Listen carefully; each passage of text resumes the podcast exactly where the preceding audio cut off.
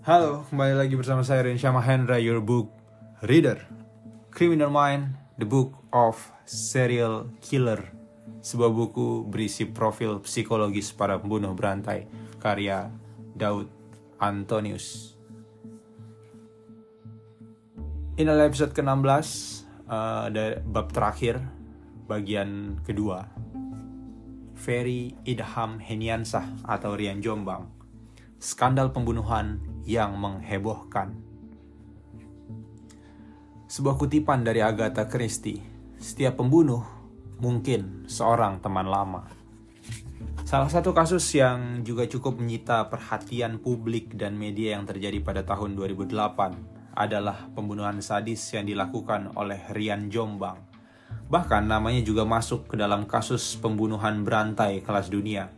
Ia difonis hukuman mati namun hingga saat ini eksekusi matinya belum juga dilakukan oleh pihak terkait. Mungkin yang dimaksud saat ini adalah saat buku ini diterbitkan ya.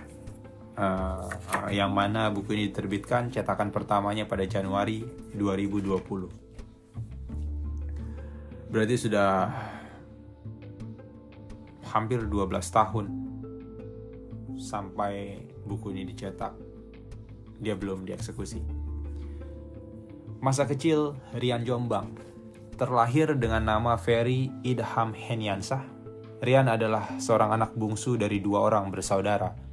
Kakaknya adalah saudara satu ibu namun berbeda ayah dengannya. Ayah Rian bernama Ahmad Sadikun, bekerja sebagai seorang satpam di pabrik dan ibunya bernama Kasiatun, adalah seorang ibu rumah tangga. Biasa yang sesekali mencari tambahan dengan menjual berbagai barang ke tetangganya. Sejak kecil, Rian tidak tinggal bersama dengan orang tuanya karena bersekolah di pesantren. Rian sejak kecil dikenal sebagai anak yang ramah, mudah bergaul, dan cukup berprestasi. Berdasarkan keterangan kakak Rian yang bernama Mulyo Wasis, tidak ada yang aneh dengan tingkah laku adik tirinya itu.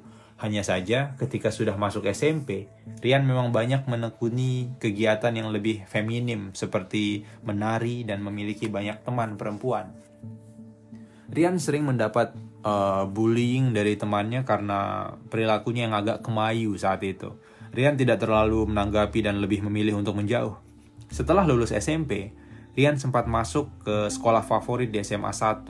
Namun, kemudian ia berpindah sekolah bahkan ke dua SMA yang berbeda. Hal ini dikarenakan kondisinya yang labil. Semasa SMA, Rian juga sempat menjadi seorang guru ngaji karena ia memang berlatar belakang pesantren ia bahkan menjadi guru favorit dan disenangi oleh para muridnya.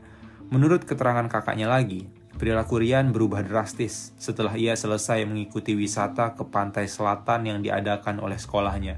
Di sana, Rian merasa dititipkan sesuatu hal yang mistis. Semenjak itu, Rian mulai menjadi pemarah, suka memecahkan barang dan mengacaukan rumah. Bahkan ibunya sendiri pernah diancam akan dibunuh oleh Rian dengan menggunakan pisau. Kejadian tersebut terjadi ketika Rian masih kelas 3 SMP. Setelah terjadi, uh, Rian sempat dirawat di rumah sakit selama dua minggu. Ia didiagnosis mengalami stres berat hingga berperilaku agresif. Pindah ke Jakarta. Rian terakhir bersekolah di SMA 3, namun hanya bertahan satu bulan. Ia kemudian memutuskan untuk pindah ke Jakarta. Rian disebut tidak tahan dengan lingkungannya. Ia tidak memiliki banyak teman di sekitar rumahnya Meskipun dikenal sebagai anak baik dan ramah, ia tidak banyak bergaul dengan orang sekitar.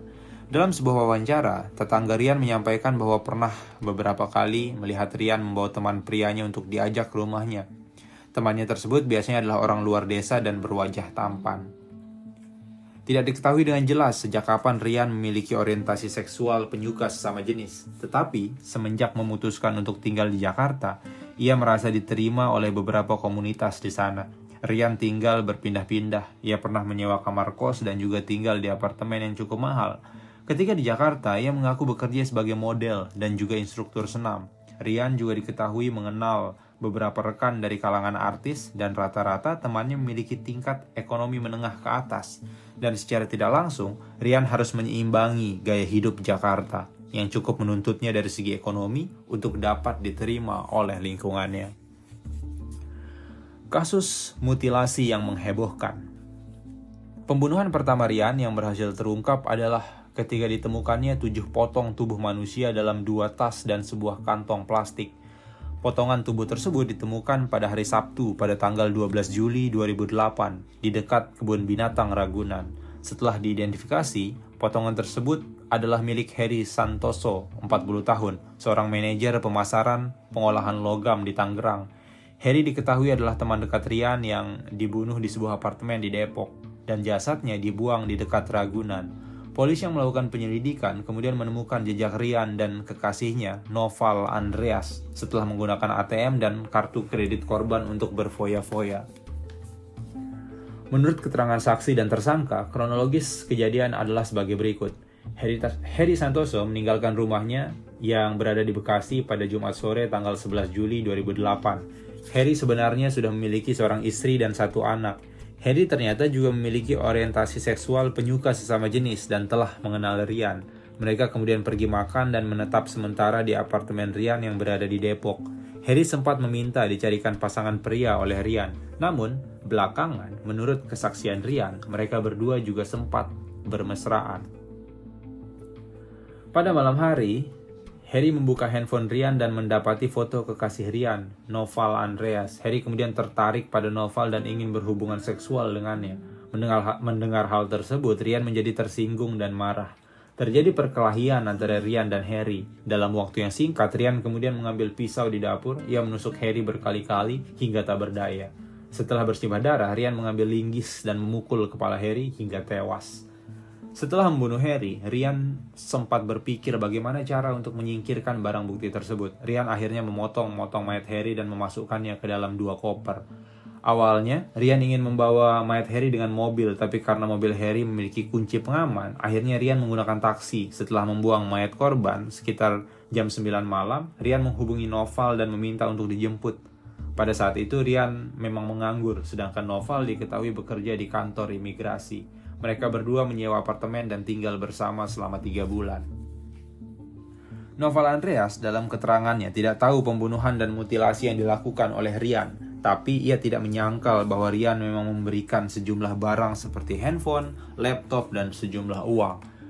Novel sendiri pun diperiksa oleh polisi dan diputuskan bersalah karena terbukti menjadi penadah barang hasil pembunuhan. Ia pun menjalani hukuman penjara selama 10 bulan karena ikut terlibat dalam kasus ini penangkapan, dan terungkap kasus lain. Pada hari Sabtu 12 Juli 2008, Rian menyampaikan kepada Noval bahwa ia mendapatkan bisikan dari mimpinya untuk meninggalkan apartemen mereka. Padahal mereka ada jangka sewa selama satu bulan lagi. Noval pun menurutinya dan mereka menyewa sebuah rumah petakan di kawasan Margonda. Setelah dua hari tinggal di kontrakan tersebut, polisi akhirnya menangkap mereka berdua karena wajahnya berhasil terekam melalui kamera CCTV tempat mereka mengambil uang di salah satu ATM. Dalam proses interogasi terhadap Rian, ia akhirnya mengakui telah membunuh Harry, namun polisi menjadi curiga karena tidak terdapat emosi negatif dalam pernyataan Rian. Ia seperti santai dan biasa melakukannya. Setelah didesak, Rian akhirnya mengakui sudah pernah melakukan pembunuhan terhadap empat orang lainnya dan mayat mereka terkubur di rumahnya di Jombang. Polisi tidak langsung percaya karena masih ada beberapa keterangan yang janggal dan berubah-ubah, sampai akhirnya Rian mengakui bahwa ada 10 orang lainnya yang memang ia bunuh. Dari penyelidikan secara mendalam, menurut kepolisian, Rian melakukan sejumlah pembunuhan dengan motif yang beragam, mulai dari ekonomi atau ingin memiliki harta korbannya, ada juga motif kecemburuan yang berlebihan, dan juga alasan lainnya, Pembunuhan yang dilakukannya di Jombang diperkirakan terjadi pada kurun waktu 2006 sampai 2008. Polisi kemudian dengan segera melakukan penggalian di tempat yang ditunjuk oleh Rian. Penggalian pertama dilakukan pada 21 Juli 2008 dan menemukan empat orang korban lainnya. Penggalian kedua, satu minggu setelahnya berhasil menemukan enam orang korban lainnya. Kedua orang tua Rian mengaku tidak mengetahui apa yang dilakukan anaknya karena tindakannya itu dilakukan ketika tidak ada orang di rumah. Letak rumah Rian juga kebetulan agak jauh dari tetangga sekitarnya. Rumahnya juga dikelilingi oleh pohon pisang dan bambu yang menghalangi pandangan.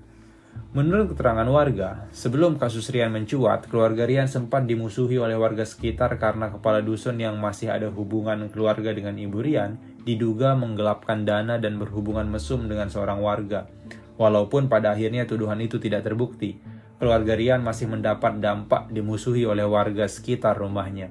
Dalam sebuah kesaksian, seorang tukang cuci yang biasa mencuci di rumah Rian juga menyatakan sering mendapati bercak darah di pakaian Rian dan mencium bau busuk di sekitar pekarangannya. Namun ibu Rian sepertinya menutupi sesuatu dan beralasan ada bangkai atau semacamnya. Mengenal Rian dengan lebih dalam. Dalam melakukan berbagai aksi pembunuhan, Rian biasanya bertemu dengan korbannya di beberapa tempat yang sudah disepakati. Korban kemudian dirayu dan dipujuk untuk mengikutinya ke rumah. Beberapa waktu kemudian, barulah Rian membantai mereka dan merampas barang-barang milik mereka. Mayat korbannya kemudian dikuburkan di sekitar rumahnya. Selain motif cinta, terdapat juga motif ekonomi dalam pembunuhan yang dilakukannya. Hal ini terbukti dari sejumlah barang bukti yang ditemukan polisi yaitu benda-benda berharga milik korban. Hal ini diyakini dilakukan dalam rangka menopang gaya hidup Rian di Jakarta. Rian sering berpergian, berbelanja, dan juga menyewa tempat yang cukup mahal. Padahal ia sering menganggur dan tidak memiliki pekerjaan. Ada pengakuan dari Rian yang menyatakan bahwa ia melakukan tindakannya didorong oleh rasa dendam serta trauma mendapatkan kekerasan dari ibunya. Rian menyampaikan bahwa kebencian terhadap ibunya kemudian disalurkan dalam berbagai aksi pembunuhan. Dalam berbagai analisa psikologis, Rian diduga menderita gejala psikopat klasik, antisosial, serta obsesif kompulsif. Ia juga diketahui sebagai pribadi yang manipulatif, egosentris, serta sulit ditebak. Ada juga beberapa saat di mana ia menampilkan sisi agresif dan kompulsifnya. Beberapa korban yang teridentifikasi. Berikut ini adalah beberapa orang yang diduga sebagai korban dari Rian Jombang. Yang pertama, Guru Setio Pramono, 27 tahun, awal tahun 2007. Menurut pengakuan Rian, Guru adalah korban pertama yang ia bunuh. Guru adalah seorang warga Nganjuk yang diiming-imingi untuk diajak berbisnis di Malaysia. Guru bertemu dengan Rian di sebuah pusat kebugaran. Guru adalah seorang lulusan Fakultas Peternakan di sebuah universitas Malang. Setelah mayatnya ditemukan, menurut Rian, Guru dibunuh dengan memukulkan benda keras ke kepalanya. Mayatnya kemudian digulung menggunakan kasur dan dibakar. Setelah itu, sisa pembakaran tersebut dibuang di sebuah kolam ikan dekat rumah Rian. Yang kedua, Agustinus Fitri Setiawan, 28 tahun, Juni 2007. Korban Rian berikutnya adalah Agustinus yang juga ia temui di sebuah pusat kebugaran Agustinus sempat dilaporkan hilang oleh ibunya setelah sebelumnya sempat berpamitan untuk bekerja di sebuah koperasi. Menurut Rian, Agustinus juga termakan rayuannya dan berkunjung ke rumahnya di Jombang. Tidak jelas apa yang menyebabkan pembunuhan terjadi, namun ada perkelahian antara Agustinus dan Rian sebelum akhirnya ia tewas akibat pukulan keras dengan menggunakan linggis. Yang ketiga, Muhammad Aksoni, 29 tahun, dan Zainal Abidin, 21 tahun. Muhammad Aksoni dan Zainal Abidin adalah dua orang yang juga ditemukan tewas dan dibunuh oleh Rian. Aksoni terakhir pamit dengan istrinya untuk bekerja. Ia adalah seorang karyawan pabrik kertas, sedangkan Zainal dilaporkan hilang oleh pamannya. Pamannya juga memberikan keterangan bahwa Zainal sempat terlihat berboncengan motor dengan Rian. Zainal adalah seorang penyiar radio lokal. Barang bukti berupa motor milik Aksori ditemukan di sebuah penitipan yang tidak jauh dari rumah Rian, sedangkan motor milik Zainal ditemukan di sebuah bengkel yang tidak jauh juga dari rumah Rian. Keduanya juga dibunuh dengan menggunakan linggis. Yang keempat, Nani Hidayati, 31 tahun, dan Sylvia Ramadhani Putri, 3 tahun. Nani dan Sylvia juga dibunuh oleh Rian menggunakan linggis ketika sedang duduk. Awalnya Rian hanya ingin membunuh Nani, tapi karena anaknya Sylvia yang masih kecil juga melihat kejadian itu, ia juga ikut dibunuh. Sebelumnya, Nani sempat bercerita kepada suaminya bahwa ia diajak berbisnis oleh seorang yang dikenalnya di gym, dan ternyata orang itu adalah Rian. Setelah dibunuh, uang Nani sejumlah 25 juta, sepeda motor, dan perhiasannya juga diambil. Yang kelima, Ariel Somba Sitanggang, 34 tahun, dan Vincent Yudi Priyono, 31 tahun. Ariel adalah seorang agen properti yang dijanjikan proyek bersama dengan Rian di Surabaya. Ariel mengenal Rian seketika kos di kawasan yang sama. Menurut Rian, ia membunuh Ariel karena kesal. Ariel ingkar, ingkar janji. Ariel sempat ingin merenovasi rumah Rian, namun tidak juga dilakukannya. Vincent juga dibunuh di waktu yang tidak jauh berbeda. Vincent datang secara tiba-tiba ke rumah Rian dan mengetahui tindakannya pada Ariel. Karena itulah ia dilenyapkan. Yang keenam, uh, Grady Glenn Adam Tumbuan, 30 tahun. Grady Adam adalah seorang artis sinetron dan juga VJ, VJ MTV ia bertemu dengan Rian dalam sebuah bis dari Jombang menuju ke Diri. Dalam perjalanan Rian membual tentang sebuah gereja kuno yang unik yang berada di sebuah pegunungan yang perlu untuk dikunjungi. Rian memang terkenal sangat manipulatif dan bisa membuat orang mempercayainya. Grady pun percaya bahwa Rian akan membantunya. Grady kemudian bermalam di rumah Rian, setelah itu ia menghilang dan ditemukan sudah dalam keadaan tewas. Dan yang terakhir, Harry Santoso 40 tahun dan Mr. X Heri Santoso diketahui adalah korban pertama yang ditemukan termutilasi dan korban terakhir dari Rian, sedangkan salah satu korbannya tidak teridentifikasi atau disebut sebagai Mr. X. Belakangan, mayat tersebut kemudian dikenali sebagai Muhammad Asrori. Sempat terjadi tragedi salah tangkap di mana polisi menangkap dan menghukum tiga orang lainnya. Dalam keterangannya, para korban salah tangkap mengaku mereka tidak melakukan pembunuhan, tapi terus ditekan dan disiksa oleh pihak kepolisian untuk mengaku. Mereka juga tidak berani dalam melakukan pembelaan dalam persidangan, sampai akhirnya diketahui bahwa Rian adalah pembunuh yang sebenarnya. Mereka akhirnya dibebaskan dan kepolisian harus menanggung malu yang luar biasa akibat kasus ini. Sekian, see you on next episode. Baikuni versus Siswanto. Siapa pembunuh berantai yang sebenarnya? Bye.